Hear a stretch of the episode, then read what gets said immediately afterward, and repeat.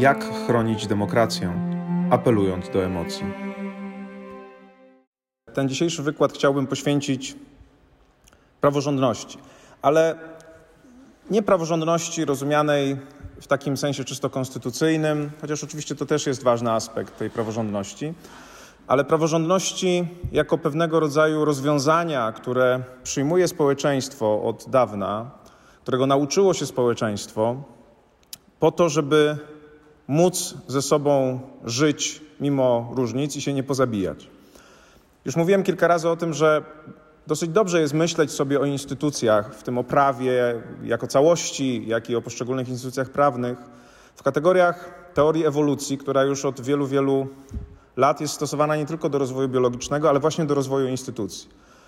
I wszystko wskazuje na to, że pewne rozwiązania, które znamy, czyli na przykład podział władz, równowaga władz, e, taki system checks and balances, polegający na tym, że nikt nie ma możliwości wykonywania władzy nieograniczonej, każdy w nowoczesnym społeczeństwie demokratycznym jest jakoś ograniczony.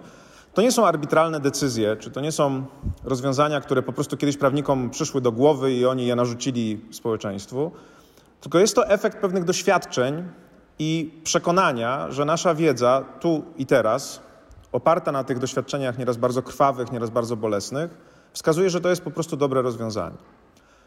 I teraz to jest o tyle istotne, że jak Państwo wiedzą, jesteśmy w momencie, w którym takie ideały czy takie wartości jak praworządność są w ciężkim kryzysie.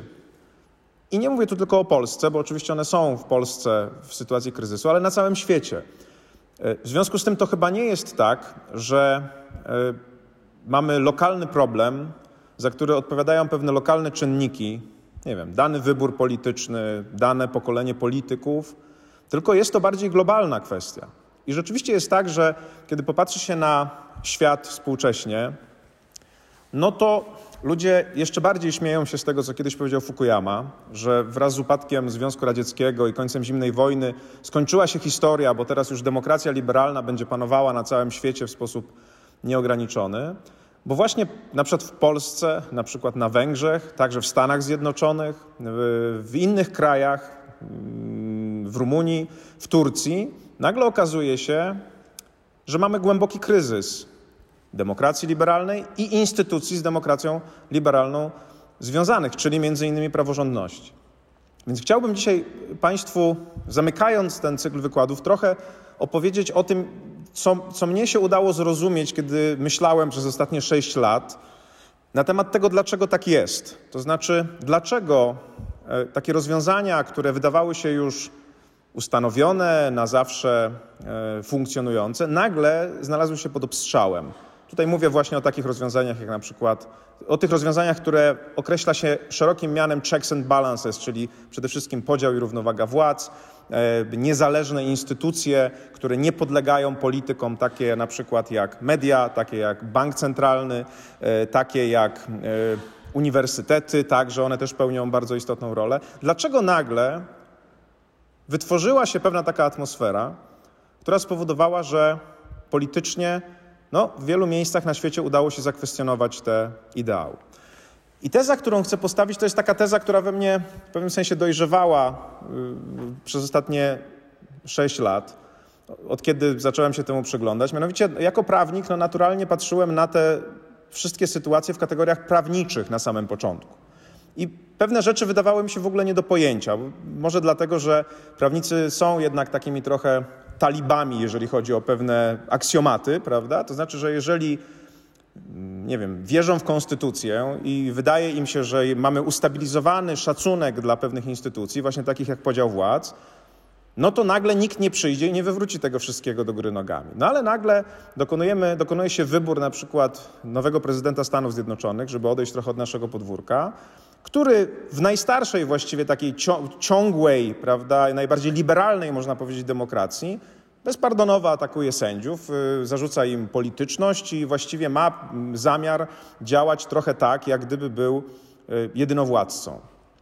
Podobne zachowania mamy, tak jak powiedziałem, na całym świecie. Więc po jakimś czasie zacząłem myśleć, że być może to nie jest tylko aspekt prawny, zwłaszcza, że wielu ludzi, także moich znajomych ze Stanów Zjednoczonych, profesorów, którzy zajmują się prawem, miało takie przeczucie, że to jest jakiś wybryk natury. To znaczy, że na przykład ktoś taki jak Donald Trump no nagle się pojawił przez przypadek i za chwilę odejdzie w niepamięć. Znaczy, to była jakaś pomyłka demokracji. No, różne się pomyłki zdarzają.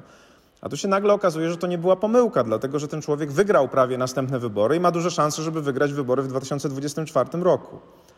Myślę, że podobnie było w Polsce, być może na Węgrzech. Ludzie, którzy są, byli przyzwyczajeni do pewnych instytucjonalnych rozwiązań, uważali, że praworządność jest wieczna i nienaruszalna, a tutaj nagle okazało się, że przyszli politycy, którzy powiedzieli coś przeciwnego i nie tylko nie zostali wyrzuceni od razu i zapomnieni, ale rządzą przez kolejne kadencje i mają szansę na to, żeby rządzić dłużej. To znaczy, że mają poparcie społeczne.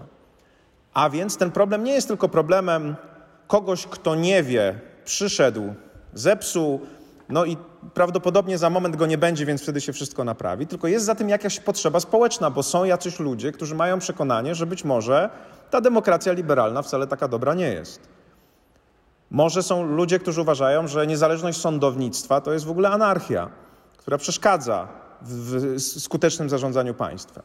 I teraz być może to, co mówię, mam nadzieję, szczerze mówiąc, brzmi dla waszych uszu jako pewna herezja na Wydziale Prawa, ale ale wydaje mi się, że trzeba sobie zadać pytanie, dlaczego tak jest, że likwidowanie rozwiązań praworządnościowych na całym świecie spotyka się z dużym poparciem społecznym.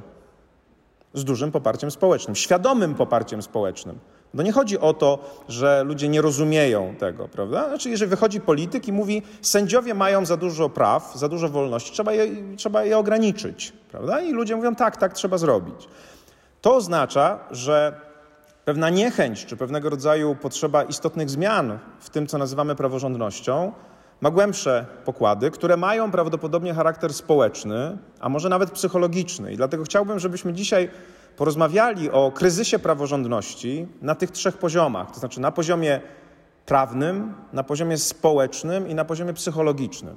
I teraz dlaczego, dlaczego tak chciałbym o tym z Wami rozmawiać? Dlatego, że my, jako prawnicy, mamy naturalną tendencję, żeby tylko na tym pierwszym poziomie to rozważać. No, czyli mówimy sobie, no tak, był podział władz, został ograniczony. Y, jak będzie możliwość, to go przywrócimy. Mm, by, rozumieliśmy, że wolność prasy i wolność mediów jest bardzo ważną wartością, ona została ograniczona i ją przywrócimy. Tymczasem nagle, jak powiedziałem, te inne poziomy pokazują nam, że dzieje się coś bardziej poważnego. I to, że można powiedzieć, poziom prawny to są tylko symptomy czegoś bardziej poważnego, my wiemy z historii. Dlatego, że tacy wielcy myśliciele jak Erich Fromm czy Hannah Arendt, o których zaraz powiem, oni właśnie w taki sposób analizowali przejście od demokracji przez autorytaryzm do totalitaryzmu.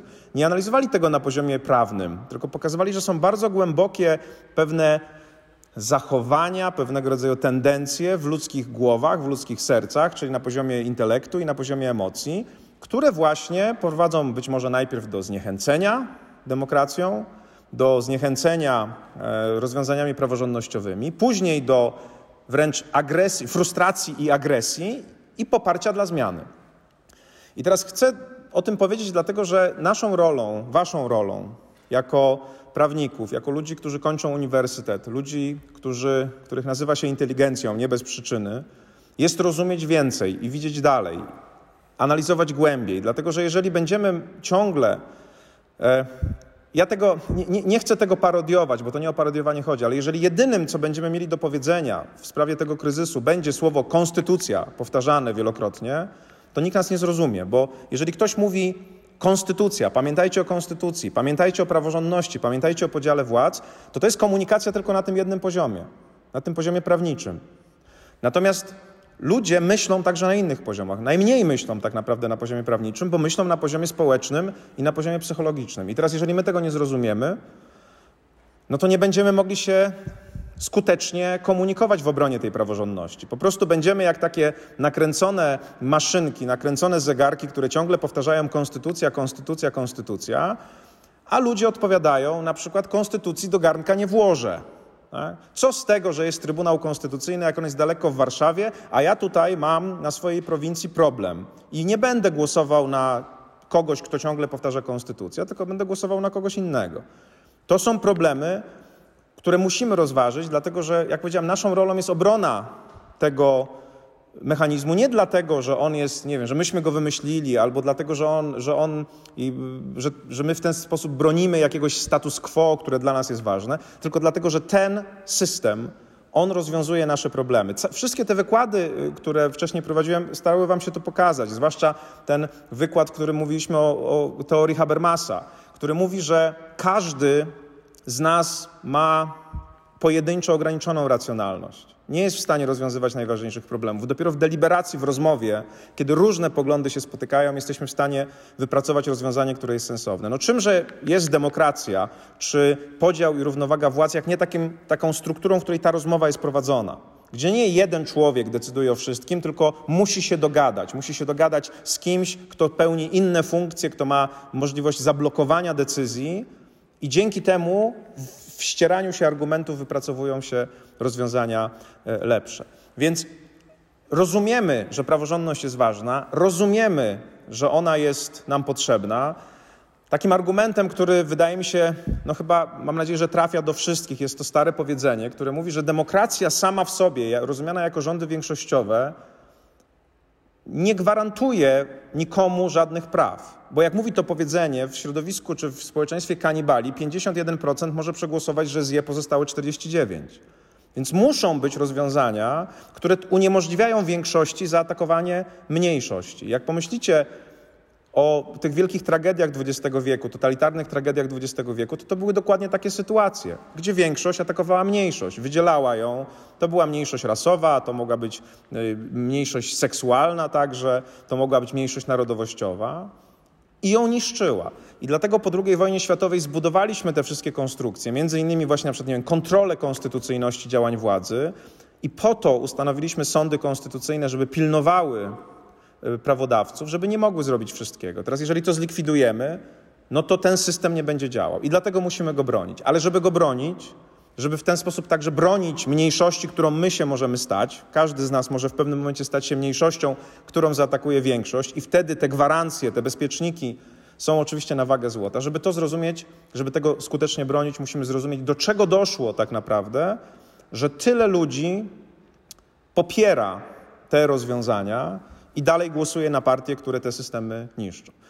I wydaje mi się, że żeby to zrozumieć, to wróćmy właśnie do tych wielkich myślicieli. Ja bym chciał pokrótce Wam przypomnieć pewne takie podstawowe tezy Erysia Froma, Hanny Arendt oraz e, Karen Stener, która jest taką współczesną e, politolożką, bardzo wnikliwie pokazującą, co się dzieje, żebyście właśnie zobaczyli, że te problemy, one nie są problemami prawnymi czy prawniczymi, ale one dzieją się na poziomie społecznym i psychologicznym.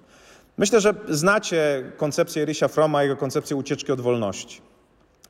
Ona została przedstawiona w książce o, tej sam, o tym samym tytule, którą Wam bardzo gorąco polecam. To jest jedna z najlepszych, najmądrzejszych, najbardziej rozświetlających rzeczywistość książek, jaka została napisana. I ta książka Rysia Froma pokazuje, jak doszło do upadku Republiki Weimarskiej i przejścia niemieckiego społeczeństwa na pozycję wspierania e, nazizmu, wspierania e, totalitaryzmu. I ta książka analizuje bardzo głęboko przyczyny psychologiczne i społeczne tego wszystkiego. I między innymi pokazuje, że ludzie, którzy znajdują się w sytuacji e, niepewności, w sytuacji poniżenia, w sytuacji chaosu, mają tendencję do tego, żeby uciekać od wolności rozumianej jako pewna przestrzeń, w której dokonuje się wyborów i poddawać się przywódcy, który obiecuje w pewnym sensie uproszczenie świata.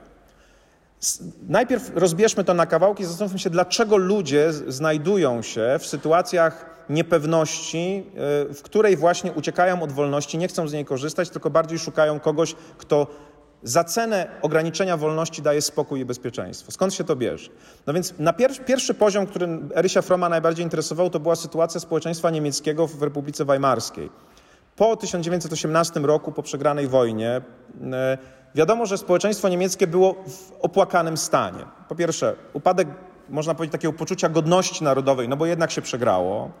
Bardzo trudna sytuacja ekonomiczna, wynikająca z olbrzymich reparacji, które trzeba było płacić na rzecz zwycięzców, oraz dodatkowo jeszcze kryzys, który nastąpił w 1929 roku, hiperinflacja i poczucie, że jest cała masa problemów, takich czysto ludzkich problemów, których demokracja nie potrafi rozwiązać. To jest pierwszy poziom, ale Fromm w tej książce on idzie tak naprawdę o wiele głębiej i, i, i, właściwie cofa się do takiego momentu, który jest w naszej historii bardzo ważny, mianowicie mniej więcej do roku 1500 jako takiego przełomu pomiędzy średniowieczem a, a nowożytnością i pokazuje, że tam wtedy nastąpiło kilka takich zdarzeń, które y, które właśnie dobrze ilustrują sytuację co, tego, co robią ludzie, którzy popadają w sytuację niepewności, chaosu, którym nagle świat się wali. Co się zdarzyło takiego w 1500 roku? Mianowicie no, można założyć, że do czasu e, pewnych odkryć, które wtedy nastąpiły, ludzie żyli w dosyć poukładanym świecie. Znaczy, żyli sobie w dosyć niewielkiej Europie, bez większej świadomości tego, co się dzieje poza tą Europą, z pewnym jednolitym porządkiem moralno-religijnym zaproponowanym przez chrześcijaństwo, a tu nagle następuje następują takie trzy ciosy w tę pewność, które są rzeczywiście bardzo mocne. Po pierwsze, Kolumb odkrywa Amerykę i nagle się okazuje, że tam są jacyś inni ludzie, o których w ogóle nie wiedzieliśmy. I są tacy autorzy, którzy mówią, że ta sytuacja dla Europy to była trochę taka sytuacja, jakbyśmy teraz dowiedzieli się, rzeczywiście dowiedzieli się, że gdzieś na jakiejś planecie żyją jacyś obcy. Tak? To, to mniej więcej tak by na nas wpłynęło. Zaczęlibyśmy się zastanawiać, czy to są ludzie, czy nie, nie są ludzie, prawda? Wtedy mnóstwo osób toczyło takie dyskursy, czy to są w ogóle, właśnie, czy to są ludzie, czy zwierzęta, czy oni mają duszę, czy należy, nale, należy ich traktować poważnie, ale przede wszystkim to spowodowało pewne takie odwrócenie lustra. To znaczy, kiedy się spotyka człowiek z, z czymś, co jest obce, nagle zaczyna na siebie patrzeć inaczej. No i są tacy autorzy, którzy mówią, że, ten, że, że to był taki pierwszy ruch, który spowodował chaos, dlatego że nagle w tym spokojnym świecie pojawił się jakiś obcy, właśnie w postaci natywnych mieszkańców y, Ameryki. E, to była pierwsza taka sytuacja. Następnie mamy odkrycie Kopernika, promowane przez Galileusza, które też wywraca świat do góry nogami. Wydawało się, że Ziemia jest centrum wszechświata, wszystko się wokół niej kręci, a tu się nagle okazuje, że jest odwrotnie. To też jest zmiana, y, która, no, myślę, że można ją porównać nie wiem, na przykład do odkrycia Einsteina, który nagle mówi, że czas i przestrzeń nie są absolutne, tylko są względne. I ludzie zaczynają się zastanawiać, no to o co w tym wszystkim chodzi? Nagle następuje jakieś takie zamieszanie. I trzecie wydarzenie to jest reformacja, która jest zakwestionowaniem porządku moralnego i nagle pojawia się wybór From bardzo dużo uwagi poświęca temu, czy ludzie chcą mieć wybór, czy nie chcą mieć wyboru. Czy ludzie lubią różnorodność, czy nie lubią różnorodności. I oczywiście, jeżeli okazuje się, że jeżeli ktoś jest silną jednostką, ufającą sobie, mającą w sobie jakieś takie poczucie pewności, to taka jednostka chce mieć wybór, bo wtedy może o sobie decydować. Ale jest cała masa ludzi, którzy nie lubią wyboru, dlatego że on powoduje pewnego rodzaju chaos. Jeżeli jest zbyt dużo opcji, to wybór nie jest zyskaniem, ale stratą. Dlatego, że jeżeli jest bardzo dużo opcji, a wybieram jedną, no to tak naprawdę tracę te wszystkie, przynajmniej jest takie, takie wrażenie. Co więcej, nie zawsze wiem, co wybrać. No, jak żyłem w małej społeczności, była jedna religia, to wyboru nie było, a teraz nagle jest ten wybór, no więc muszę zdecydować. A jeżeli wybiorę źle i zostanę potępiony, tak, co ze mną będzie? Prawda? To, są, to były ważne pytania w tym czasie. I Badacze, między innymi From, wskazują, że nie bez przyczyny nagle cała Europa pogrążyła się w chaosie kompletnym. Tak? Cała Europa pogrążyła się w chaosie wojen religijnych, które spowodowały kwestionowanie tak naprawdę stanowisk i doprowadziły do tego, że ludzie, którzy do tej pory być może mieli jakąś szansę na życie w pokoju, musieli przejść przez bardzo trudny czas. Jeszcze oczywiście dodatkowym, dodatkowym takim wydarzeniem, o którym się bardzo często mówi, jest wynalezienie prasy drukarskiej przez Gutenberga, które rozpowszechniło wiedzę trudno dostępną i ją taniej udostępniło ludziom. I teraz uwaga, zostawmy na razie tego Froma w Republice Weimarskiej, gdzie mamy Niemców, którzy są absolutnie pognębieni tym, co się dzieje, nie mają poczucia swojej dumy narodowej, mają kłopoty finansowe, mają kłopoty życiowe. Zostawmy na moment ten 1500 rok z tymi wszystkimi zmianami i wróćmy do naszych czasów. I są tacy badacze, którzy mówią, że na poziomie społecznym, który później emanuje na poziom prawny, teraz dzieje się dokładnie tak samo, tylko w trochę, trochę innym, innym wymiarze. Rewolucja informacyjna związana z internetem jest podobna do odkrycia prasy drukarskiej przez Gutenberga. Ludzie nagle mają łatwy dostęp do wiedzy, chociaż dosyć płytki, i przez to zaczynają kwestionować autorytety. Trochę tak jak prasa drukarska spowodowała na przykład kwestionowanie y, autorytetu Kościoła katolickiego. Ludzie mają więcej wiedzy i w związku z tym mogą bardziej powiedzieć sprawdzam. Prawnikowi, lekarzowi, prawda? Dlatego, że wiedza jest szybko dostępna. Y, już nie da się y, zrobić w taki oto sposób, jakby w hermetyczny sposób przekazywać wiedzy pomiędzy, nie wiem, lekarzem i aptekarzem, czy pomiędzy prawnikami, którzy posługują się łaciną. Każdy może sprawdzić. Jeżeli chodzi o kwestię różnorodności, która powoduje strach, no to można powiedzieć, że ze względu na globalizację wybór w każdym obszarze i tego, nie wiem, do jakiej szkoły się pójdzie, jaki uniwersytet się wybierze, gdzie się będzie żyło, w jaki sposób znajdzie się partnera, e, nie wiem, także jaką, jakie idee będzie się wyrażało, jest nieprawdopodobnie szerszy niż był kiedykolwiek indziej. Tak? W globalnej wiosce można sobie już nie tylko wybrać między katolicyzmem i protestantyzmem, ale właściwie można sobie wybrać dowolną religię, a więc wyborów jest więcej.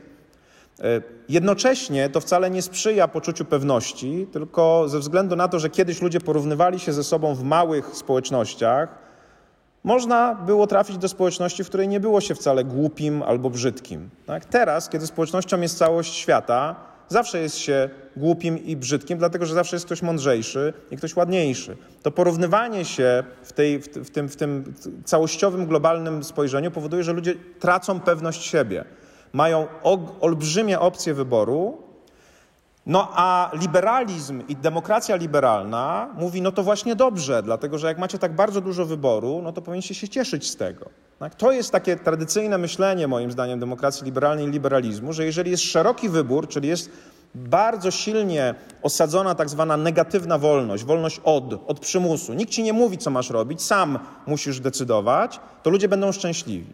No problem jest taki, że nie wszyscy wiedzą, co chcą wybrać i w jaki sposób mają decydować, bo po prostu opcji jest za dużo, a wiedzy co do tego, co wybrać, jest zbyt mało.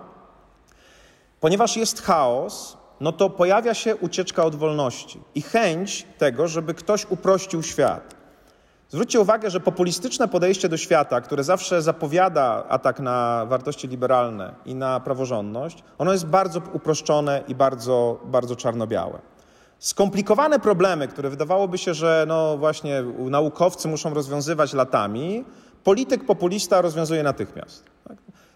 George Lakoff mówi, że na przykład takim przykładem rozwiązania była propozycja Trumpa wybudowania muru na granicy z Meksykiem. Tak?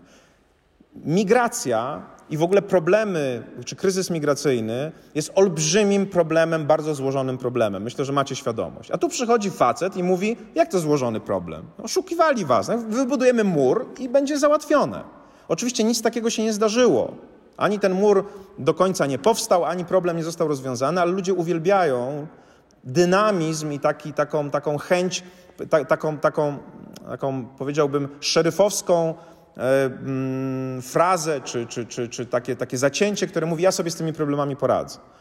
Już wspominałem o tym, że badacze rozwoju totalitaryzmu niemieckiego pokazują, że dynamizm NSDAP był jednym z elementów, który spotykał się z największym podziwem, że w tym całym maraźmie Republiki Weimarskiej nagle pojawili się jacyś ludzie, dobrze ubrani, w ładnych mundurach, którzy mówili: Rozwiążemy te wszystkie problemy. I ludzie za nimi szli. Uproszczenie świata jest czymś, czego wszyscy potrzebują, no ale musimy sobie zadać pytanie, dlaczego?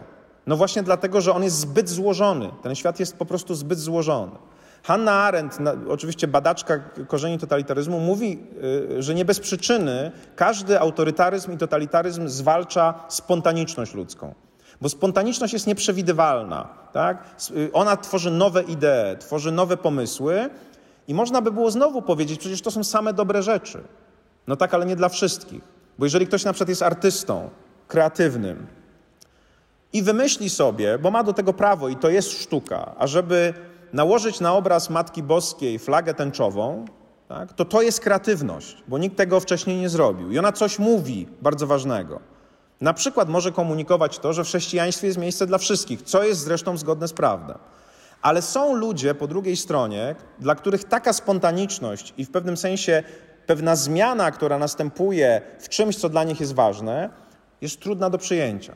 Tak, dla nich to jest, i zaraz powiemy dlaczego, pewnego rodzaju zburzenie pewnego porządku normatywnego. I znowu wszyscy populiści, absolutnie wszyscy populiści na całym świecie, i lewicowi, i prawicowi, zawsze tworzą wrażenie z, jakby zagrożenia dla porządku normatywnego, czyli zagrożenia dla pewnych wartości, które trzymają świat w, w kupie, które trzymają stabilność świata. Każdy populista mówi o tym, że jakieś idee zagrażają naszym dzieciom, że jakieś idee zagrażają naszym rodzinom. Tak? I uwierzcie mi, to jest naprawdę, to, to nie jest ograniczone do tu i teraz. E, kiedy wprowadzano elektryczność, to ludzie uważali, że elektryczność będzie szkodziła dzieciom i rodzinie. Kiedy wprowadzano desegregację rasową w Stanach Zjednoczonych, narracja e, skrajnie e, zwolenników utrzymania tej segregacji była taka, że to, jeżeli się doprowadzi do pomieszania społeczeństwa, to będzie zagrażało dzieciom i rodzinie, tak? czyli porządkowi normatywnemu. Albo religii, która też jest bardzo ważnym porządkiem normatywnym. Zobaczcie, jaki to jest mechanizm.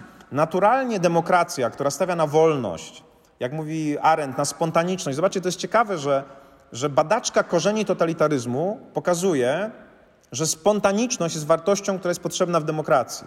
Kreatywność, która jest wzmacniana przez wolność słowa, bo dzięki temu produkujemy nowe idee, które mogą nam się do czegoś przydać, jest zwalczana przez totalitaryzm. Jest taki bardzo poruszający fragment w, w korzeniach totalitaryzmu, gdzie e, e, Hannah Arendt mówi, że totalitaryzm dąży do tego, żeby zlikwidować jakąkolwiek spontaniczność, czyli taką spontaniczność, którą należy rozumieć jako możliwość zadziałania nietypowego przez człowieka, a absolutnym niszczeniem e, spontaniczności znowu jest symbol Auschwitz. Tak? Obóz koncentracyjny dla Hannah Arendt jest przykładem całkowitego jakby odarcia człowieka z indywidualności, ze spontaniczności. Wszyscy wyglądają tak samo, bo nie mają włosów, w związku z tym są ogoleni. Wszyscy są ubrani tak samo, każdy jest numerem tak? i ma, ma po prostu być trybikiem w wielkiej maszynie i nie ma pokazywać najmniejszego śladu jakiejkolwiek spontaniczności. Jest tam taka analiza na końcu tego fragmentu, którą niektórzy kwestionują, ale ona edukacyjnie czy obrazowo moim zdaniem jest sensowna. Hannah Arendt mówi, że zadziwiało ją zawsze to, dlaczego był stosunkowo niski odsetek samobójstw w obozach koncentracyjnych. Samobójstwa zdarzały się według niej częściej, jak ludzie byli aresztowani przed wysyłką do obozu. I ona to tłumaczy w pewnym sensie tak, że ludzie w obozie koncentracyjnym odarci z tej spontaniczności stają się jak psy Pawłowa, albo jeszcze gorzej niż psy Pawłowa i już nawet nie mają w sobie tego odruchu, żeby żeby targnąć się na swoje życie, które byłoby ostatecznym wyrazem spontaniczności. Jeżeli czytaliście rok 1984 i pamiętacie to takie przesłuchanie na końcu Smitha przez O'Briana, tego funkcjonariusza systemu, to tam jest bardzo ciekawe zjawisko, o którym Sołżenicyn też pisze w archipelagu Gułag. Dlaczego władzy totalitarnej nie wystarczy, żeby ludzie milczeli, żeby, żeby nie wyrażali sprzeciwu? Tylko chcę, żeby oni pokochali tę władzę, chcę, żeby oni wyrazili poparcie, bo to jest ostateczne złamanie człowieka, jego spontaniczności. Bo tam jeszcze w głowie, mimo że nic złego nie robisz, tak? tak jak ci ludzie w Korei Północnej, którzy się śmieją wtedy, kiedy mają się śmiać, płaczą wtedy, kiedy mają płakać, klaszczą wtedy, kiedy mają klaskać, a jak ktoś źle to robi, to może zginąć, to przecież gdzieś w głowach mogą mieć jeszcze kawałek spontaniczności. Dlatego i Smith, i, i, i w tych opisach w opisach Sołżenicyna to widać, władza totalitarna dąży do zniszczenia tej spontaniczności, bo chce ujednolicić wszystko. No i po tym Fromie i po Arendt przychodzi Karen Stener, która mówi, że współczesne społeczeństwa mają problem z różnorodnością. Różnorodność jest też jakąś pochodną wolności, no bo jak masz wolność, ja mam wolność, ty masz wolność, ty masz wolność, to każdy z nas może robić różne rzeczy. A jak nie mamy wolności, to każdy robi to samo, to co zostaje narzucone. Prawda? Różnorodność jest problemem także dlatego, że ona jest związana z opcjami wyboru. Jeżeli jest bardzo dużo opcji wyboru, no to jest różnorodność. Różnorodność w społeczeństwie demokratycznym jest widoczna na różnych poziomach. Na poziomie wyznaniowym, na poziomie rasowym, na poziomie orientacji seksualnej, na, na poziomie definicji płci, na wielu różnych poziomach. I Steiner mówi, że w każdym społeczeństwie, być może nawet jest to uwarunkowane genetycznie, jest około 30% takich ludzi, którzy, ma, którzy są unikaczami różnorodności. Którzy, to są ci ludzie, których także w pewnym sensie analizował Fromm, tacy, którzy nie lubią różnorodności. Dlatego, że ona zamiast dawać im radość i, i yy, można powiedzieć opcję, daje im niepokój bo ona ich prowokuje do, do, do, do, przyznania, że świat jest złożony, że jest bardzo skomplikowany, że świat jest chaosem, a dla tych ludzi nie jest to wcale dobra informacja. Oni potrzebują pomocy w rozstrzygnięciu pewnych, pewnych kwestii. I żeby była jasność, Stener nie mówi, że to są tylko ludzie konserwatywni. Generalnie wśród konserwatystów jest więcej takich osób, ale także w innych obszarach są ludzie, którzy chcą mieć świat czarno-biały. Tak, na przykład Steiner mówi, że nie ma wielkiej różnicy pomiędzy właśnie konserwatywnym politykiem, który chce wprowadzić jednolitość religijną, jednolitość na przykład narodowościową i zamyka granicę, tak jak Trump, żeby migranci nie, nie, nie, nie weszli. Zobaczcie, to też można rozumieć w kategoriach jednolitość, różnorodność. Jak wpuszczasz ludzi o innym kolorze skóry, innym języku, e, innej religii, to zwiększasz różnorodność. I dla wielu jest to wartość. Dla wielu jest to wartość. Dla Stanów Zjednoczonych przecież to też była wartość. To jest kraj, który wzrósł na różnorodności dzięki przyjmowaniu Irlandczyków, Polaków, Niemców, e, e, Hiszpanów, Meksykanów itd. Tak itd. Tak Natomiast w pewnym momencie, mówi Stener, ten poziom różnorodności, który już nie jest zjawiskiem prawnym, zaczyna ludzi denerwować, przerażać. Popatrzcie na przykład na takie zjawisko, które jest widoczne w przypadku parad równości. Parada Równości może zostać zdefiniowana jako pokazanie światu różnorodności. Tak? To są kolorowe wydarzenia, gdzie ludzie zadowoleni ze swojej seksualności, nie wstydzący się swojej seksualności, pokazują ją światu. Zwróćcie uwagę, że krytyka konserwatywna tego typu wydarzeń zawsze opiera się na słowie epatują. Tak? Epatują swoją seksualnością. Czy oni nie mogliby się schować, prawda? Kiedy ostatnio była rocznica śmierci Frediego Merkurego, no to w telewizji naszej publicznej mówiono, on to był porządny homoseksualista, bo on nie epatował swoją, homo, swoim homoseksualizmem. To jest nieprawda, ale dlaczego oni mówią o epatowaniu? Bo oni podświadomie rozumieją, że wystawienie siebie na różnorodność jest testem dla kogoś, kto tej różnorodności nie lubi. Oni nie chcieliby jej widzieć. Oni nie chcieliby jej widzieć, dlatego że ona powoduje pewien dysonans. Stener to analizuje właśnie pokazując, że unikacze różnorodności mają kłopot z tym, że świat jest tak zróżnicowany i chcą, żeby ktoś to ujednolicił. No i właśnie wtedy przychodzi ktoś znowu taki jak Trump na przykład, który mówi, no ja ją wprowadzę. Tak? Będzie jeden naród, Ameryka, tak? ona znowu będzie wielka. To też, że będzie wielka, jest oczywiście naprawą pewnej zniszczonej dumy. Takie narracje, które były widoczne w narracji nazistowskiej, kiedy właśnie Niemcy byli absolutnie w dole kompletnym depresji narodowej związanej z przegraną wojną i z całą tą sytuacją, nagle przyszedł ktoś, kto mówił: Jesteśmy dumnym narodem, który ma tysiącletnią historię, jesteśmy rzeszą. I to działało. Tak? Wstawanie z kolan to jest podnoszenie się z, takiej, z takiego poziomu, gdzie ludzie cierpią z jakiegoś powodu do dumy prawda? Uczynienie Ameryką wielką znowu jest powrotem do historii po to, żeby ludzie się lepiej poczuli. Zobaczcie, że te mechanizmy są dokładnie takie same wszędzie. Dlaczego one takie są? Bo ludzie, którzy czują się źle w świecie, mają niepewność w sobie, chęt, lgną w pewnym sensie do przywódcy, który, za, który zarządza ich problemami. Tak? Obiecuje proste rozwiązania dla złożonych problemów, yy, proponuje uporządkowanie świata, co więcej, porządkuje go nawet przez bardzo prostą technikę populistyczną, jaką jest dzielenie świata na dobrych i złych. Prawda? Zobaczcie, to jest problem. Może sobie nie zdajecie z tego sprawy, ale spotykacie człowieka i nie wiecie, czy on jest dobry, czy on jest zły. Tak? A tutaj nagle przychodzi do was przywódca i mówi: sprawdź, co robił jego ojciec w czasach PRL-u. I jeżeli stwierdzisz, że pracował dla służb PRL-u, to już wiadomo, że ten człowiek jest zły. Ja oczywiście kpię, myślę, że rozumiecie, prawda? Zobaczcie, jaka to jest kwalifikacja bardzo prosta. Tak? Czy jesteś ubecką wdową, tak? czy jesteś trzecim pokoleniem AK i od razu wiadomo, z kim mam do czynienia. Tak? Czy jesteś porządnym człowiekiem, czy jesteś złym człowiekiem. Sołżenicyn mówi, najbardziej chyba złem doświadczony człowiek, tak? złem totalitarnego Związku Radzieckiego, mówi, to nie jest tak, że ludzie są źli i dobrzy. Linia podziału między złem i dobrem biegnie przez serce każdego człowieka, mówi Sołżenicy. To znaczy, że to zależy, ale to jest kłopot, no bo, bo stereotyp tak, pomaga się zorientować w świecie.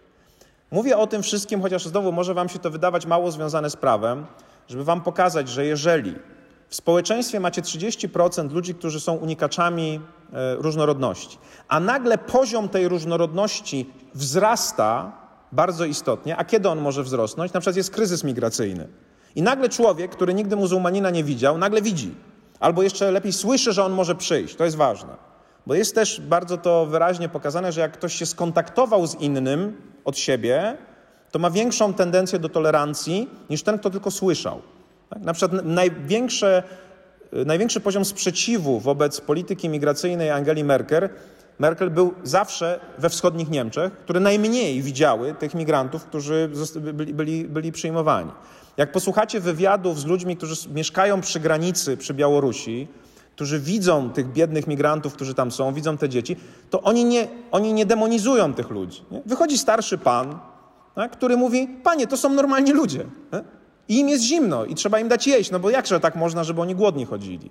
Nagle, jak jest kontakt z kimś, kto jest obcy, to on się staje bardziej taki familiarny. Natomiast jeżeli kogoś się traktuje z daleka, nie jako człowieka, tylko jako ideologię i się rysuje wszelkie zło w głowie ludzi, no to nagle buduje się, zwiększa się strach, to zwiększa jeszcze bardziej niepokój i zwiększa potrzebę lgnięcia do władcy, który jest władcą populistycznym i władcą autorytarnym.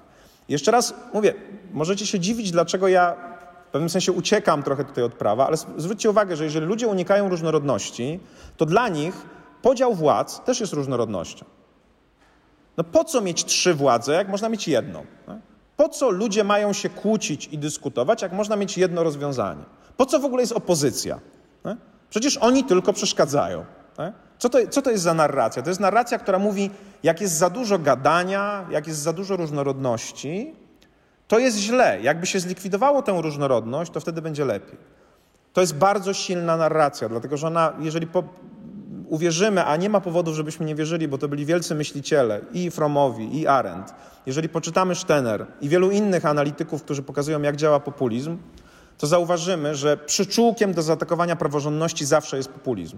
To znaczy właśnie takie podejście, które adresuje potrzeby ludzi emocjonalne, adresuje to, co w nich tam głęboko siedzi i działa w bardzo, powiedziałbym, ten populizm działa w bardzo perfidny sposób. Jest coraz więcej analizy, która łączy populizm z prawem. W tym roku będzie konferencja wydziałowa w ogóle nasza, poświęcona związkom populizmu z prawem, więc żeby nie było, że jakieś herezje tu opowiadam, prawda? To są bardzo silne związki.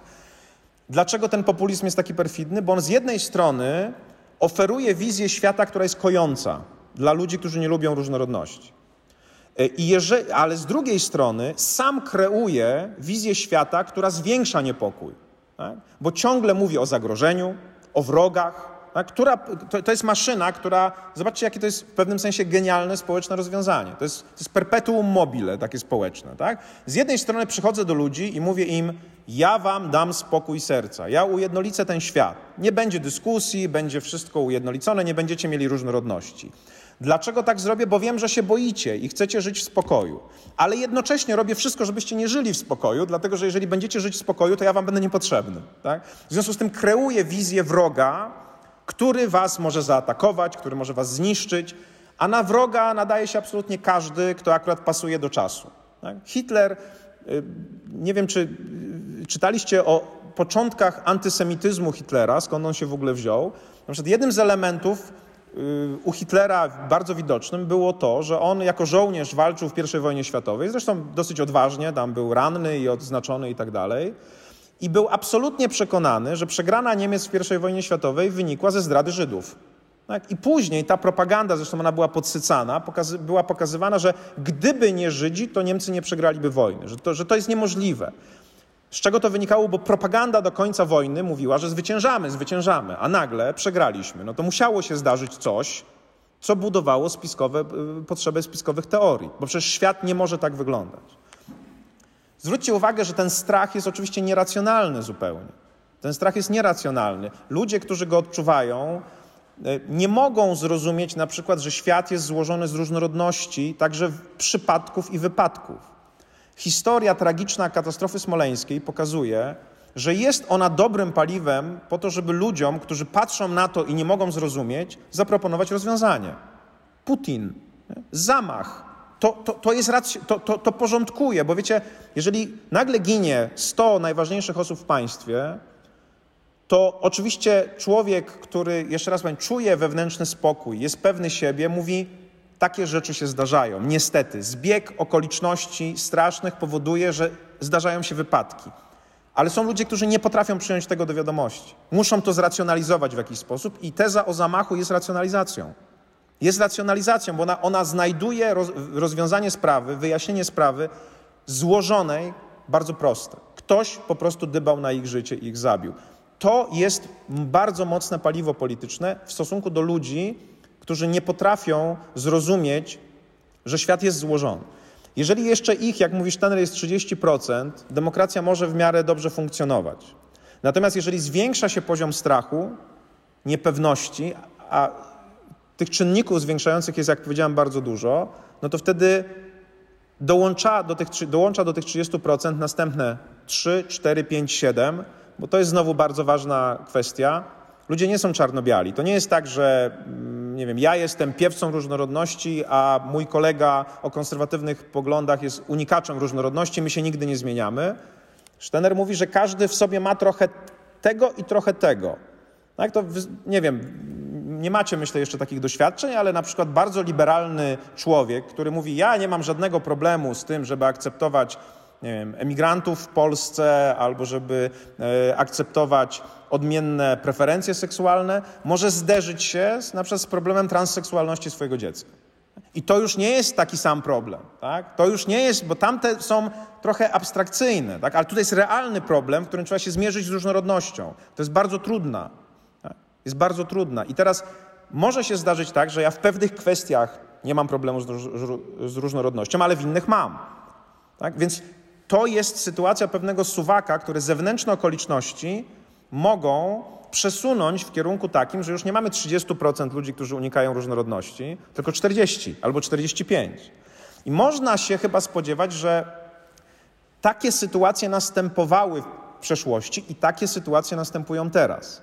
Jeżeli jest mnóstwo turbulencji na świecie, na przykład kryzys finansowy, który nas aż tak bardzo nie dotknął, nie? tam końcówki lat 2000, e, kryzys dotyczący migracji, E, zagrożenie terroryzmem, które było bardzo istotne przecież przez długi, długi czas, to są wszystko elementy strachu społecznego, które powodują, że ludzie nie czują się dobrze w świecie i idą za przywódcą, który pokazuje e, proste rozwiązania dla trudnych problemów i w związku z tym bardziej mu ufają i, i, i, i w pewnym sensie przyzwalają na to, ażeby taki przywódca dokonywał pewnego rozmontowania pewnych, pewnych systemów. Jak się na przykład dokonuje rozmontowania systemu?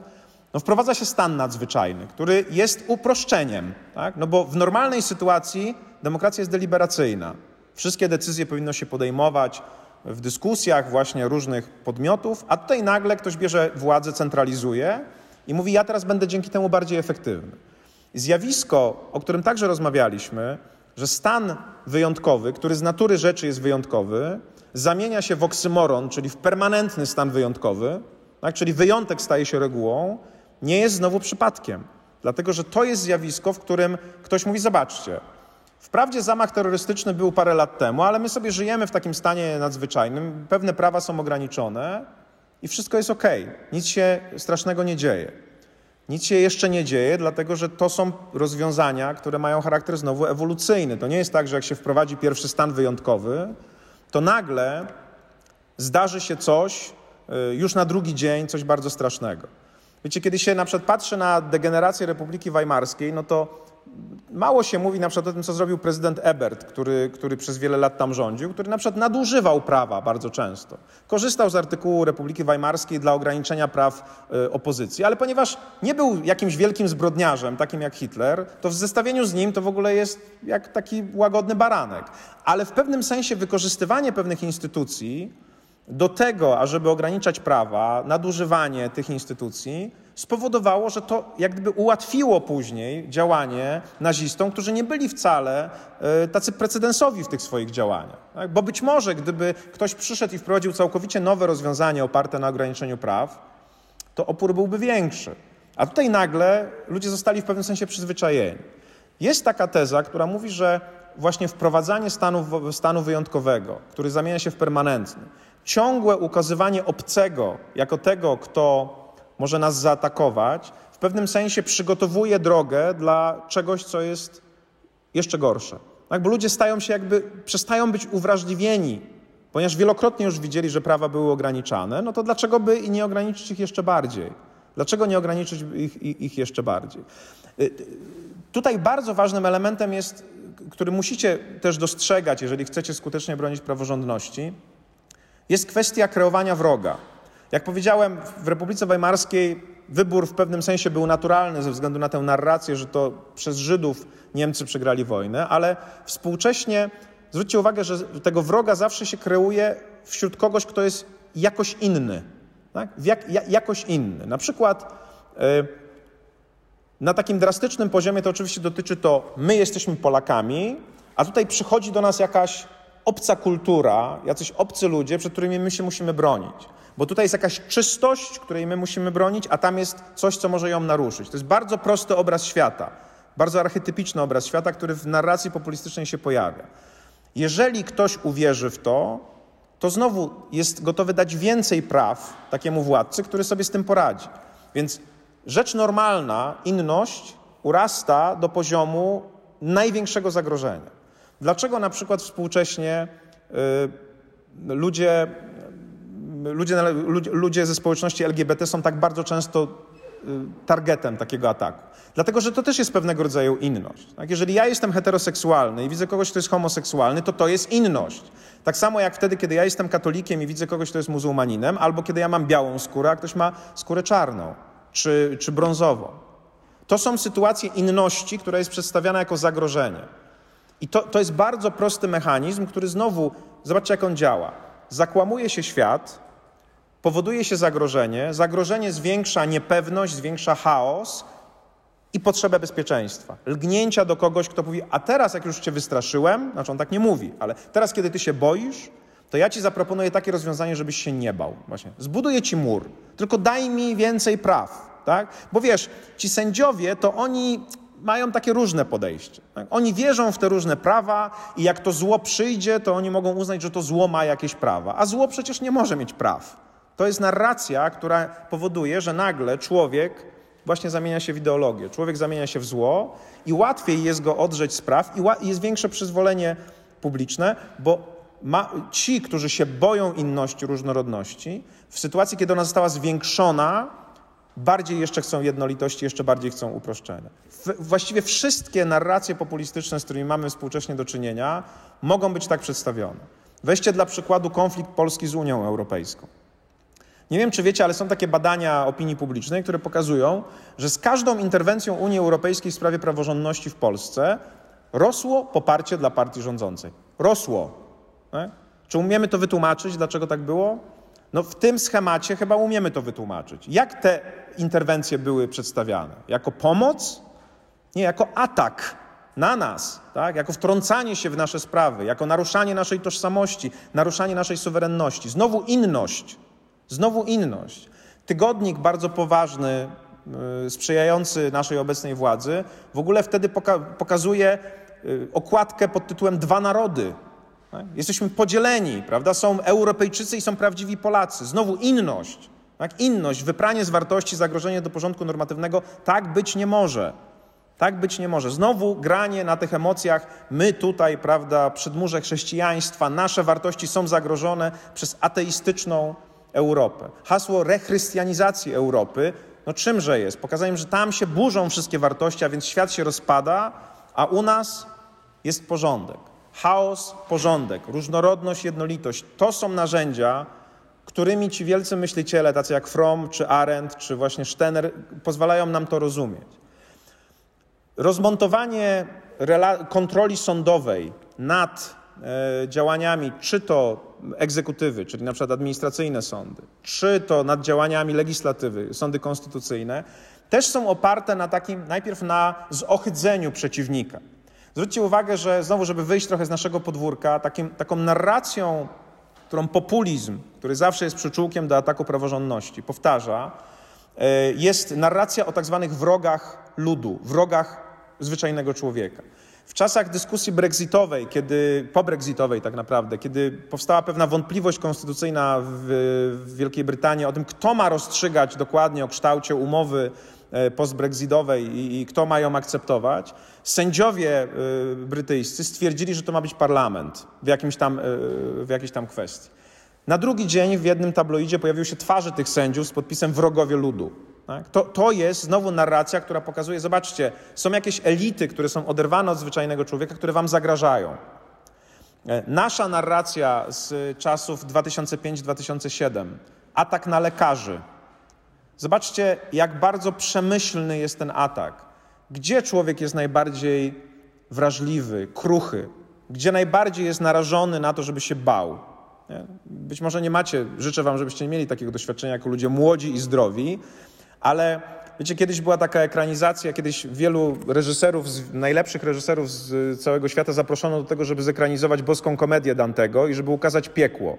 Jeden z reżyserów, który moim zdaniem zrobił to najgenialniej, przekaz, przedstawił piekło jako poczekalnię do lekarza w szpitalu.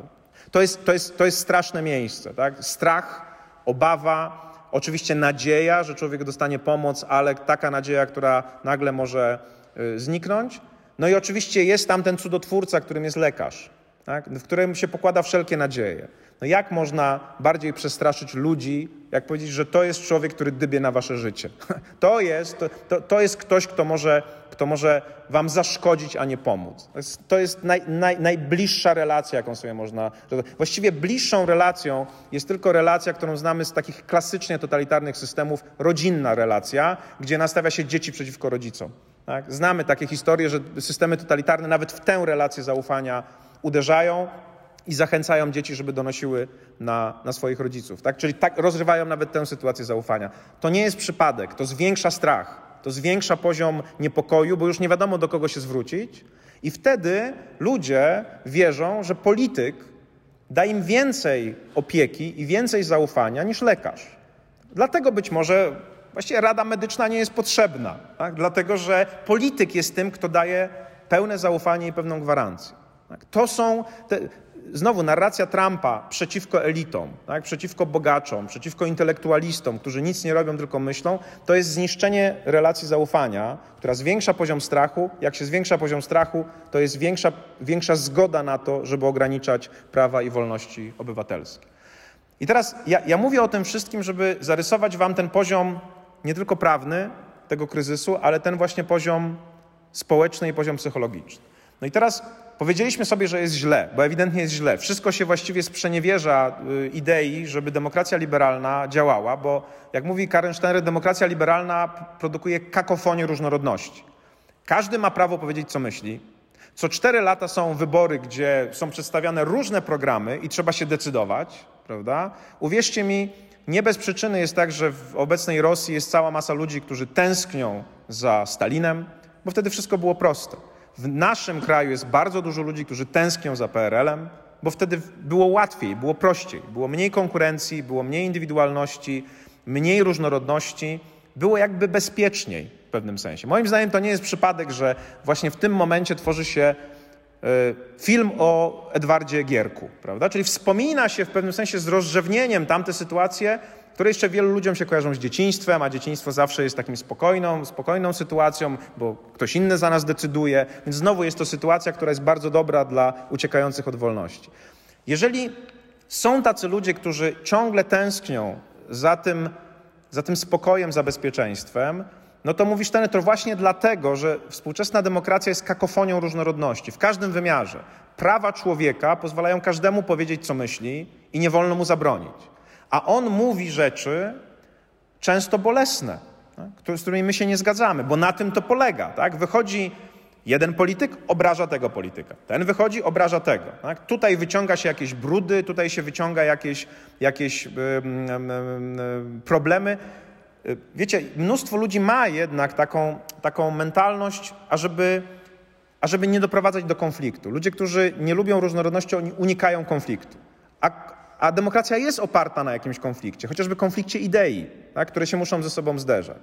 Do, do, do, tego dochodzi jeszcze czynnik psychologiczny, bo cały czas mówię na tym poziomie społecznym, chociaż tam są pewne elementy psychologiczne, który jest wskazywany w odniesieniu do waszego pokolenia bardziej niż na przykład do mojego pokolenia. E, problem polegający na nadopiekuńczości rodziców, którzy otaczają od mniej więcej końca lat 90 swoje dzieci takim, takim można powiedzieć, e, namiotem nadopiekuńczości, ochrony. E, są psychologowie, którzy to mierzą. Znaczy mówią na przykład, że bardzo dobrym miernikiem jest tak zwany dzienny czas e, nienadzorowanej zabawy dzieci. Tak? Za moich czasów ja wychodziłem rano, wracałem o 23, Moja matka w ogóle nie wiedziała, gdzie jestem. Mogłem zostać porwany, po prostu poćwiartowany i prawdopodobnie dopiero na drugi dzień by się dowiedziała, że jest jakiś, jakiś problem. Teraz dzieci bawią się najczęściej na zamkniętych placach zabaw pod opieką dwojga dorosłych, którzy ciągle mówią uważaj, nie stawiaj tam nóżki, bo spadniesz. Prawda? Więc eksploracja świata polegająca zawsze na zderzeniu się z czymś, co może być bolesne, nie jest właściwie dzieciom dawana.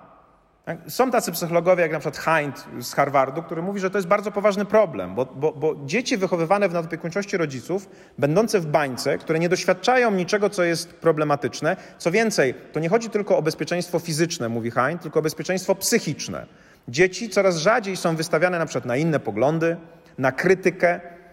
Kiedyś, znacie to pewnie z historii, ja to znam z doświadczenia, to, to rodzice bali się nauczyciela. Jak rodzice szli na wywiadówkę, to też ja się na przykład bałem albo, albo moi koledzy. Teraz to nauczyciel boi się rodziców. Generalnie sytuacja jest taka, że krytyka pod adresem dzieci jest coraz trudniejsza.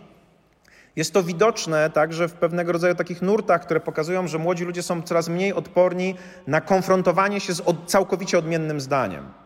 To widać na kampusach amerykańskich, gdzie e, wprowadza się wręcz pewne działania cenzorskie dotyczące tego, żeby nie słuchać w ogóle człowieka, który przedstawia zdanie czy przedstawia stanowisko, z którym ja się nie zgadzam. Kiedyś u nas było tak, że jak przyjeżdżał Zygmunt Bauman, tak, który przez wielu ludzi jest uważany za zbyt lewicowego, to przychodzili ludzie prawicowi i z nim dyskutowali w czasie, w czasie, w czasie spotkania. Teraz prawdopodobnie w ogóle może by nie doszło w ogóle do takiego wykładu, dlatego że zamknięto by w ogóle możliwość konfrontacji się z tym odmiennym zdaniem. To także jest ważny proces. Jeszcze raz podkreślam, to nie jest moja, moja opinia, są wybitni psychologowie, którzy o tym mówią, ale on się przekłada na kwestię, o której mówimy.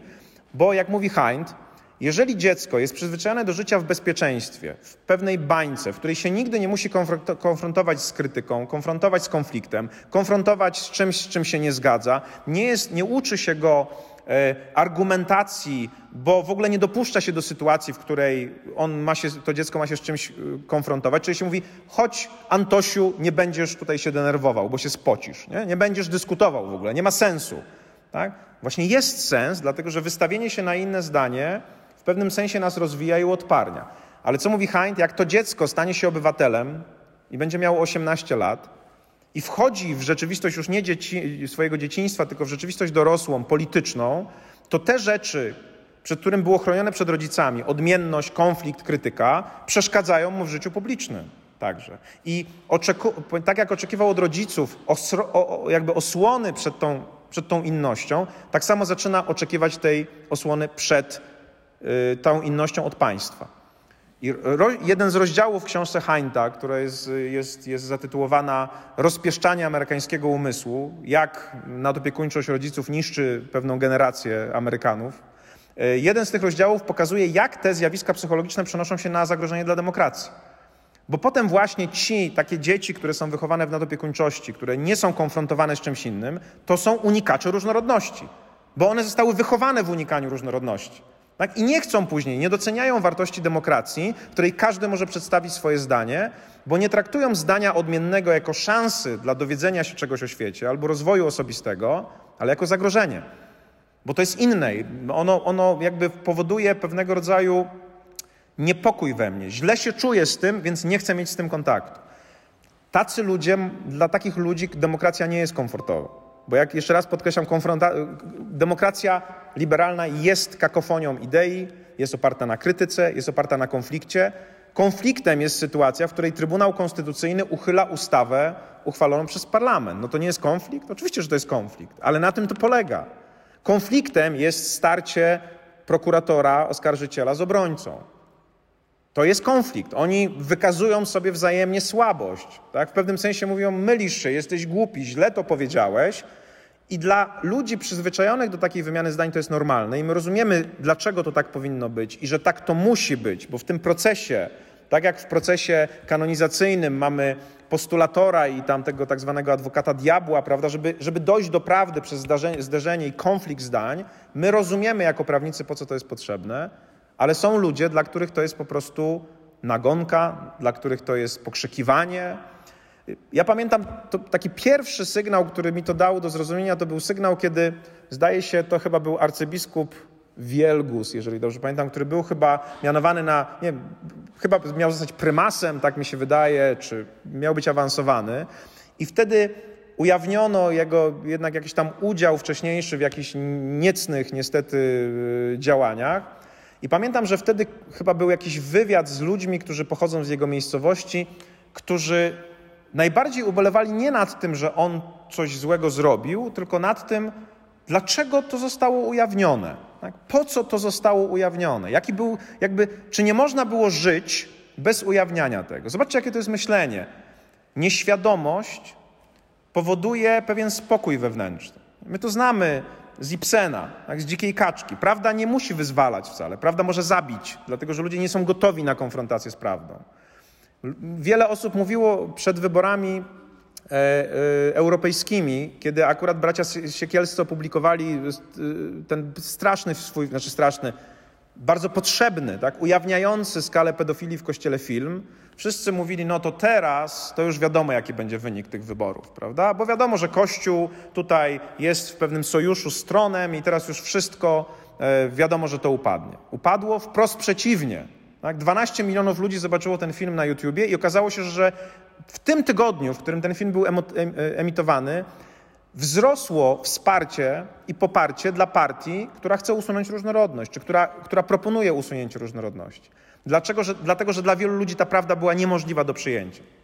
Tak? Dla wielu była oczywiście, nie mieli z tym problemu, ale dla dużej części społeczeństwa to był dysonans poznawczy, który powodował takie oto myślenie. Ten ksiądz, którego ja uznaję za autorytet, to ma być pedofil?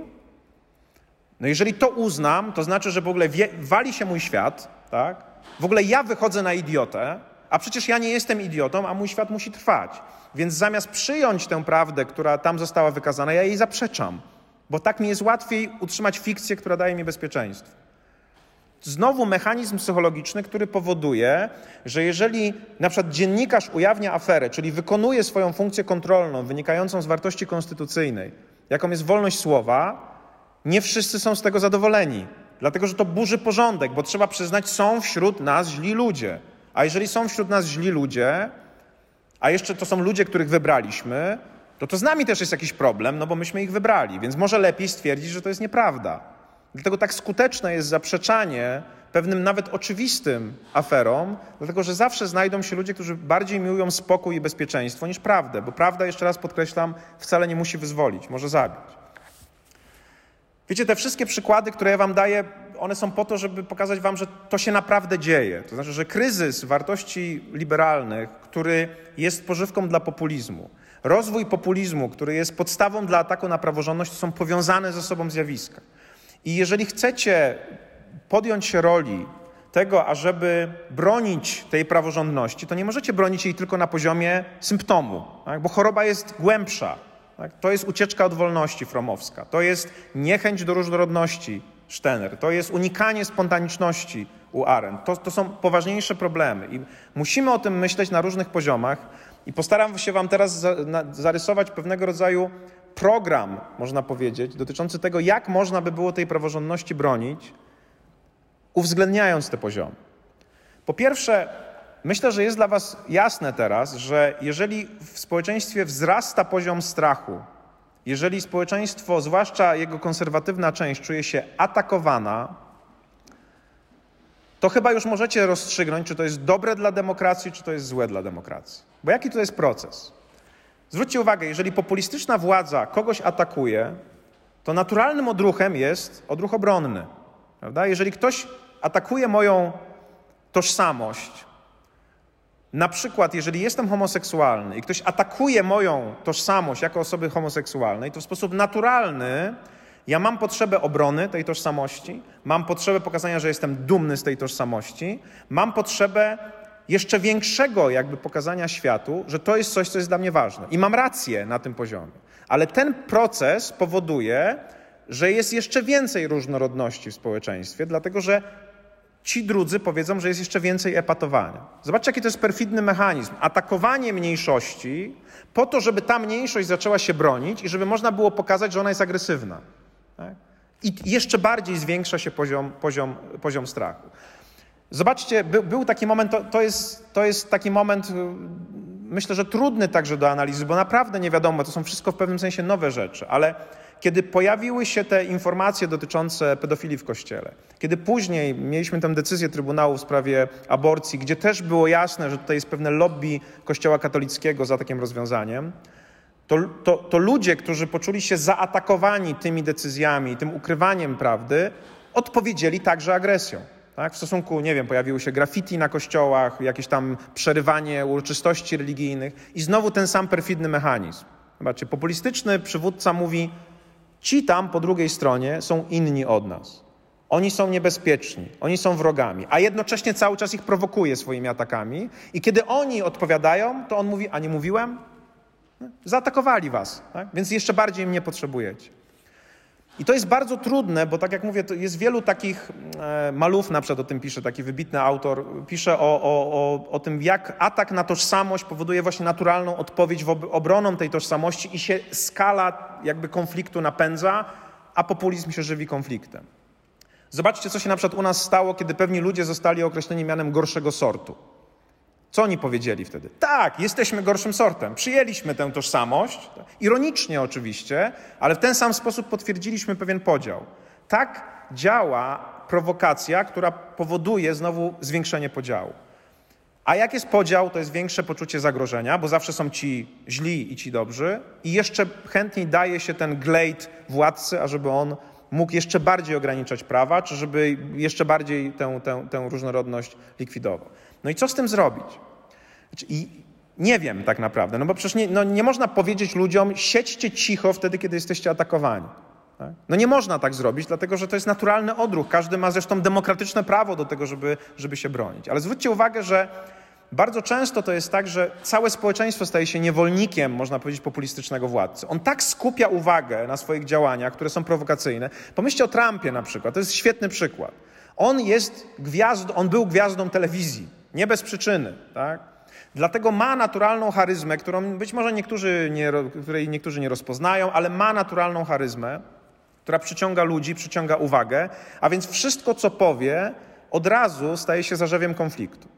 Tak? Wtedy, kiedy mówi źle o szczepionkach i mówi o tym, że trzeba wypić płyn do czyszczenia to, toalet, bo być może on, on pomoże, to nagle roz, roz, właściwie zajmuje całą uwagę społeczną. To jest przecież idiotyczne. Mimo wszystko niektórzy ludzie piją ten płyn tak? mają, mają z tym. To też pokazuje, jak wielka, wielkie jest zaufanie do takiej jednostki. Kreowanie takich sytuacji, kreowanie konfliktu jest zagrożeniem, jeżeli damy się w to wciągnąć, jeżeli obrońcy praworządności czy demokracji się dają w to wciągnąć, bo muszą to robić bardzo mądrze. Jedyną rzeczą, jaką wydaje mi się powinniśmy wziąć pod uwagę, jest to, że musimy robić wszystko, żeby nie zwiększać poziomu agresji żeby nie zwiększać poziomu agresji, żeby w miarę spokojnie przedstawiać swoje argumenty, żeby nie grać w tę grę, którą, na, na, na którą stawia y, populistyczny przywódca. Bo wtedy, jeżeli pojawia się ta agresja, to zwiększa się poziom strachu. Jak zwiększa się poziom strachu, to wtedy jest większa potrzeba ucieczki od wolności i większe zaufanie dla tego, dla tego władcy. Więc wulgarność, y, która bardzo łatwo jest przedstawiana jako y, atak na wartości, jako, jako zburzenie porządku normatywnego niestety nie jest dobrym rozwiązaniem. I chcę, żebyście to zrozumieli.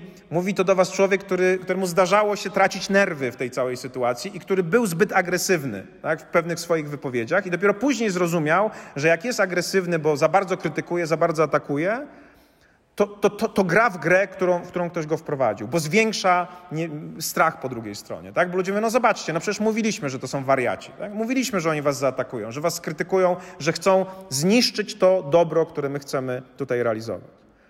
W przypadku praworządności to jest o tyle problematyczne jeszcze, że praworządność bardzo łatwo jest pokazać jako nieefektywny system. W tym sensie nieefektywny, że zawsze da się znaleźć pewne niedoróbki albo właśnie pewne nieefektywności, a więc a, a nawet pomyłki systemu. Zobaczcie, skazanie Tomasza e, Komendy może zostać przedstawione jako absolutną niewydolność sądownictwa, jako niewydolność sądownictwa. Afera reprywatyzacyjna może być pokazana jako sytuacja, która pokazuje, że właściwie konstytucja jest niepotrzebna. Bo po co taka konstytucja w świecie, w którym ludzie są wyrzucani na bruk e, albo są zabijani, spalani w lesie kabackim i nie wiadomo, co się stało? To są sytuacje, które zawsze gdzieś w działaniu systemowych rozwiązań się pojawiają, bo systemowe, abstrakcyjne systemy działają na poziomie efektywności ogólnej. Ja to zawsze staram się, staram się w tym przypadku zestawić praworządność z działaniem szczepionek. Szczepionki są efektywne na poziomie ogólnospołecznym, systemowym, ale na poziomie konkretnym mogą powodować skutki uboczne. Mogą powodować śmierć, mogą powodować uszkodzenie ciała mogą, mogą powodować rozstrój zdrowia. I teraz zobaczcie. Tak samo jest z praworządnością. My wierzymy i wiemy, nawet nie wierzymy, my wiemy jako prawnicy, że trójpodział władz, niezależność sądownictwa działa, że, że ono pozwala nam się roz, jakby działać w społeczeństwie, bo jest system checks and balances, ale wiemy, że jak sędzia ma tę swoją niezależność, ma tę swoją niezawisłość, ma wolność, to w ramach tej wolności wliczone jest też to, że może popełnić błąd, że może wydać zły wyrok albo głupi wyrok. Prawda? I teraz problem polega na tym, że świat także ze względów technologicznych zmienia nam się w taki oto sposób, że dla ludzi mniejsze znaczenie ma efektywność czegoś abstrakcyjnego i systemowego, a większe znaczenie ma konkret, coś bardzo, bardzo takiego indywidualnego. I wy jako prawnicy, my wszyscy jako prawnicy, my jesteśmy uczeni raczej myślenia w kategoriach systemu. Tak, że ma system działać. System prawa ma być spójny, ma, ma, ma, mają być pilnowane wszelkiego rodzaju procedury i zapominamy o starym powiedzeniu summum ius summa iniuria. Tak? Najwyższe prawo, najbardziej, najbardziej precyzyjnie stosowane prawo może przynieść największą niesprawiedliwość. Problem jest taki, że kiedy społeczeństwo wierzy w działanie systemów abstrakcyjnych, z tym nie ma większego problemu. I był taki czas, kiedy, wiecie, szczepienia, obowiązkowe szczepienia w Polsce e, funkcjonują od lat 60. XX wieku. Nigdy, o ile ja pamiętam, nie było tak silnego ruchu, który kwestionował ten, ten, ten, ten, stan rzeczy. Skargi na system e, nasz szczepień e, w stosunku do dzieci, nawet nie covidowych, tylko tych, które są obowiązkowe w stosunku do dzieci, rozpoczęły się stosunkowo niedawno. To też pokazuje, że ludzie zaczynają tracić wiarę w abstrakcyjny system i bardziej się skupiać na konkretnych sytuacjach czy na konkretnych, na konkretnych skutkach niesprawiedliwości systemu. Ważniejsze dla nich jest to, i władza populistyczna to także wykorzystuje, że został wydany jeden wyrok niesprawiedliwy, niż to, że zostało wydane 99 sprawiedliwych. Tak? tak się nam zmienia świat. I znowu, dlaczego tak jest? Są tacy myśliciele, którzy to wyjaśniają. Jacek Dukaj to wyjaśnia mówiąc o tym, że nasze społeczeństwo odchodzi od logosu, tak? odchodzi od, od systemowego rozumienia świata, bo pisemność jako rozwiązanie nas uczy myślenia abstrakcyjnego, a e, kiedy odchodzimy od logosu, no to wtedy zaczynamy myśleć bardziej w kategoriach konkretnych. Dlaczego odchodzimy od logosu? Bo nie poznajemy świata, czy coraz rzadziej poznajemy świat zapośredniczony przez słowo. W wieku XIX, wieku XX nasze emocje były zapośredniczone przez słowo. Ktoś opowiadał historię, ktoś opisywał, pisał książkę, myśmy ją czytali i się wzruszaliśmy, albo, albo płakaliśmy, albo się złościliśmy, albo się baliśmy. Coraz rozwój technologii powoduje, mówi Dukaj, to, że nasze emocje są coraz bardziej bezpośrednie. Nie potrzebujemy opowieści, możemy zobaczyć obraz. Nie musimy usłyszeć opowieści o kimś, kto jest nieszczęśliwy, możemy zobaczyć nieszczęśliwego człowieka. Nie musimy usłyszeć opowieści o tym, że ktoś umiera, możemy zobaczyć tę śmierć. Dukaj mówi, że to jest jakby powrót od epoki pisemności do, znowu do epoki oralności, gdzie pismo jest niepotrzebne, a są dowody na to, że różnica między społeczeństwami, które y, działają w racjonalności pisemności, a racjonalności oralności, to jest właśnie taka różnica, że te, które y, są e, wyznawcami pisemności, mają większą zdolność do myślenia abstrakcyjnego. Bo zobaczcie, że język sam w sobie jest abstrakcją.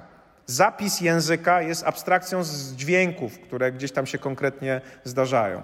Więc jest to udowodnione, że nie bez przyczyny w Grecji po wynalezieniu alfabetu rozwinęła się tak mocno filozofia. Pismo powoduje większe myślenie abstrakcyjne, natomiast brak pisma powoduje myślenie konkretem. I znowu coś, co nie jest przecież winą ani demokracji liberalnej, ani nas, prawników, ani e, państwa prawa, tylko, czyli właśnie rozwój technologiczny. To, że ludzie coraz mniej czytają blogów, a coraz częściej oglądają Instagram, czyli coraz mniej interesuje ich słowa, a coraz bardziej interesuje ich obraz, to powoduje, oczywiście całe inne zmiany, że ludzie bardziej boleją nad konkretnymi niesprawiedliwościami systemu, niż dbają o to, żeby ten system działał. I znowu populistycznemu władcy łatwiej jest pokazać konkretną pomyłkę systemu i to bardziej rezonuje z ludźmi. I znowu możecie zapytać, no co z tym wszystkim zrobić? No niestety jest tak, że nasze sądy i, i prawnicy mają duży problem z mówieniem językiem konkretu. My, jak posłuchacie uzasadnienia sądowego takiego typowego, to jest pełne abstrakcji. Tak? Norm, systemów, zgodności. Jest w ogóle wypowiedziane językiem, który najczęściej jest niezrozumiały zupełnie. Zwróćcie uwagę też na to, że język prawników może być kolejnym czynnikiem, który zwiększa poczucie zagubienia w świecie, który zwiększa strach. Ja nie bez przyczyny wielokrotnie powtarzam tę taką złotą myśl, że dobry prawnik powinien myśleć jak filozof, a mówić jak chłop. W tym znaczeniu, z całym szacunkiem dla filozofów i dla chłopów oczywiście, w tym znaczeniu, że musi myśleć w sposób bardzo złożony, a mówić bardzo prosto, bo znowu wiemy, że skomplikowany język poniża. Tak jak mówicie do kogoś, kto was nie rozumie, to on się czuje głupi. Prawda? No, jeżeli mówicie po łacinie albo mówicie trudnymi słowami, no to człowiek się czuje głupi. Jak się czuje głupi, no to się czuje źle ze sobą. Więc jeżeli sędzia, prawnik mówi do człowieka w taki sposób, że on nie rozumie, no to w tym człowieku narasta pewna frustracja, narasta niezadowolenie, a później nagle widzi polityka, który mówi do niego tak, że on rozumie. Bo on mówi, zbudujemy mur i będzie załatwiony, prawda? A tego pedofila to w ogóle wykastrujemy. Tak też każdy to rozumie, prawda? A, a w ogóle to zastanówmy się, czy karę śmierci nie przywrócić, bo to jest takie rozwiązanie, które też każdy rozumie. Tak? I raz, a dobrze. Zobaczcie, jak, jak to wszystko zmierza do takich sytuacji, gdzie złożoność jest zastępowana prostotą, ale to jest pozorna prostota. My wiemy, że ona nie działa, że tak się nie da. Złożone problemy nie dadzą się rozwiązać w sposób, sposób prosty. Więc na przykład naszą odpowiedzialnością znowu w tym zakresie jest nauczyć się mówić o prawie w sposób, który jest zrozumiały dla ludzi. Sędziowie powinni większą wagę przywiązywać do tego, żeby mówić prosto. Służby prasowe sądu powinny stać w gotowości wtedy, kiedy sąd wydaje kontrowersyjny wyrok. Na przykład właśnie, nie wiem, jest sprawa e, bardzo angażująca ludzkie emocje. Właśnie, nie wiem, sprawa pedofilska albo sprawa bardzo głośna, Prawda?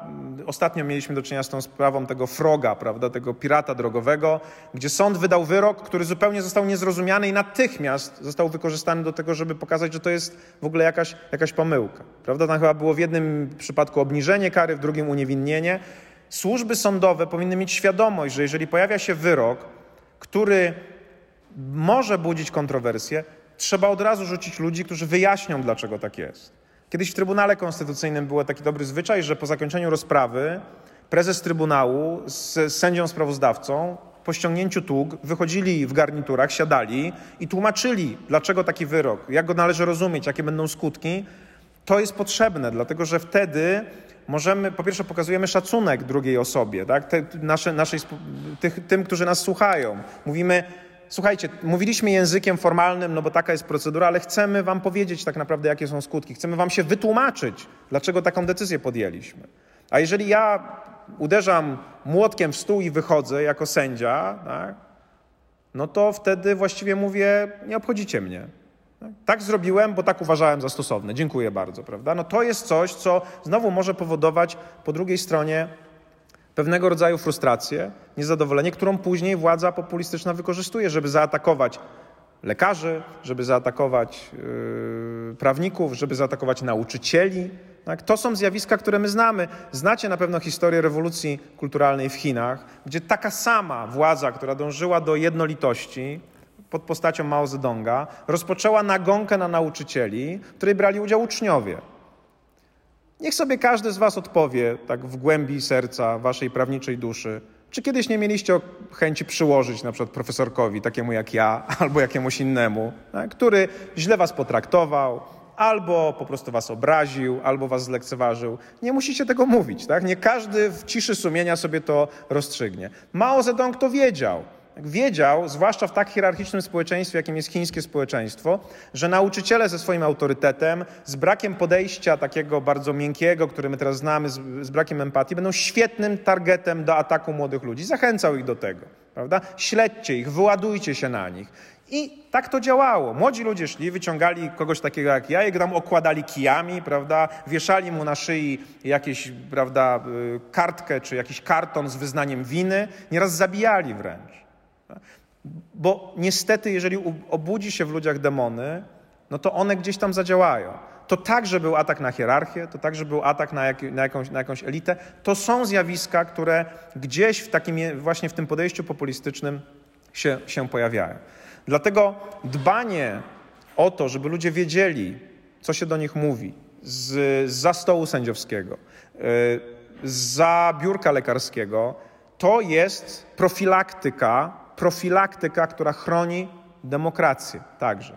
Tak, szacunek dla ludzi, dla drugiego człowieka, zwłaszcza człowieka, który może nie jest tak wykształcony, który może nie rozumie świata tak dokładnie jak my, no bo nie wiem, nie, nie studiował, nie skończył studiów, jest profilaktyką demokracji, profilaktyką praworządności. Dlatego, że każdy uraz w stosunku do takiego człowieka skończy się gdzieś budowaniem podglebia dla rozwoju populizmu, a populizm będzie przyczółkiem dla ataku na praworządność.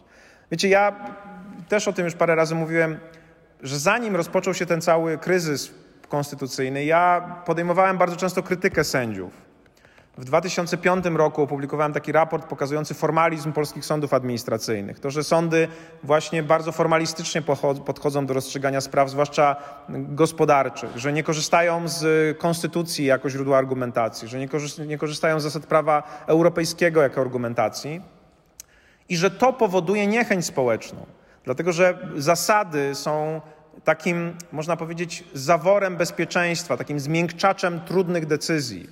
Sędziowie bardzo i prawnicy bardzo lubią frazę dura lex sed lex, ale nigdy nie zastanawiałem się nad tym, czy to lex musi być takie dura rzeczywiście. Tak? Czy, to jest, czy, czy, czy czasami zasady nie spowodują zastosowane, współstosowane z ustawą, żeby, że, że to nie będzie aż tak bardzo bolesne. Przypomnijcie sobie na przykład koncepcję Dworkina, sprawę Riggs versus Palmer, gdzie rozstrzygnięcie, które mówi, że zabójca dziadka ma dostać spadek, jest bardzo twardym rozstrzygnięciem. No i właśnie zastosowane zasady zmiękczają to rozstrzygnięcie i czynią je bardziej zdroworozsądkowym, a nie takim, którym, któremu ktoś się musi, musi sprzeciwić. Krótko mówiąc, y, na przykład, stos... więc ja krytykowałem tych sędziów, rozumiejąc, że, że to jest coś, co może być odbierane przez społeczeństwo jako, jako złe. I jako prawnik, który także praktykuje przez wiele lat, no ja wiem, jak zachowują się sędziowie. I trzeba sobie jasno powiedzieć, że sędziowie zachowują się często w sposób skandaliczny po prostu wobec podsądnych, tak? traktując ich jako petentów, tak? nie, nie dbając w ogóle o ich, o to, że ci ludzie są zestresowani, bo dla sędziego sąd to jest miejsce pracy, a dla petenta, którego, w którym sędzia pomiata, to jest nowe miejsce. Znowu ten sąd jest tak jak u kawki, prawda? Wszystko jest obce, nie wiadomo gdzie pójść, coś możecie złego spotkać, prawda? Jak szpital, tak samo. Wchodzę, nie wiem dokąd się, do kogo się zwrócić, ludzie jacyś wystraszeni, prawda? Nie ma empatii, to powoduje złe traktowanie, a karma wraca. Tak? I potem przychodzi populistyczny władca, który mówi: Byłeś kiedyś źle potraktowany przez sędziego? Oczywiście. Byłeś źle potraktowany przez profesora na uniwersytecie? Oczywiście. Przez nauczyciela? Tak. No widzisz, prawda? Trzeba z nimi zrobić porządek. I to pada na właściwy grunt. To, tak jak mówię, to są rzeczy, które mogą Wam się wydawać odległe, ale chciałem zakończyć te, te nasze spotkania właśnie takim akcentem, który pokazuje, że prawo jest tylko pewną warstwą naszych spraw, którymi żyjemy. Pod nimi jest cały bardzo szeroki, bardzo szerokie pole problematyki społecznej. Później mamy jeszcze pole problematyki psychologicznej i wielcy myśliciele łączyli te wszystkie poziomy. Chciałbym, żebyście wy też je łączyli i żebyście pamiętali, że po prostu to nie jest tak, że konstytucja nagle upada sama z siebie albo praworządność się rozpada sama z siebie. To jest długi proces, do którego my nieraz przykładamy palec albo rękę, albo nawet nieraz więcej. Więc chciałbym Wam życzyć, żebyście to rozumieli i żebyście nigdy do tego nie przykładali ani palca, ani ręki.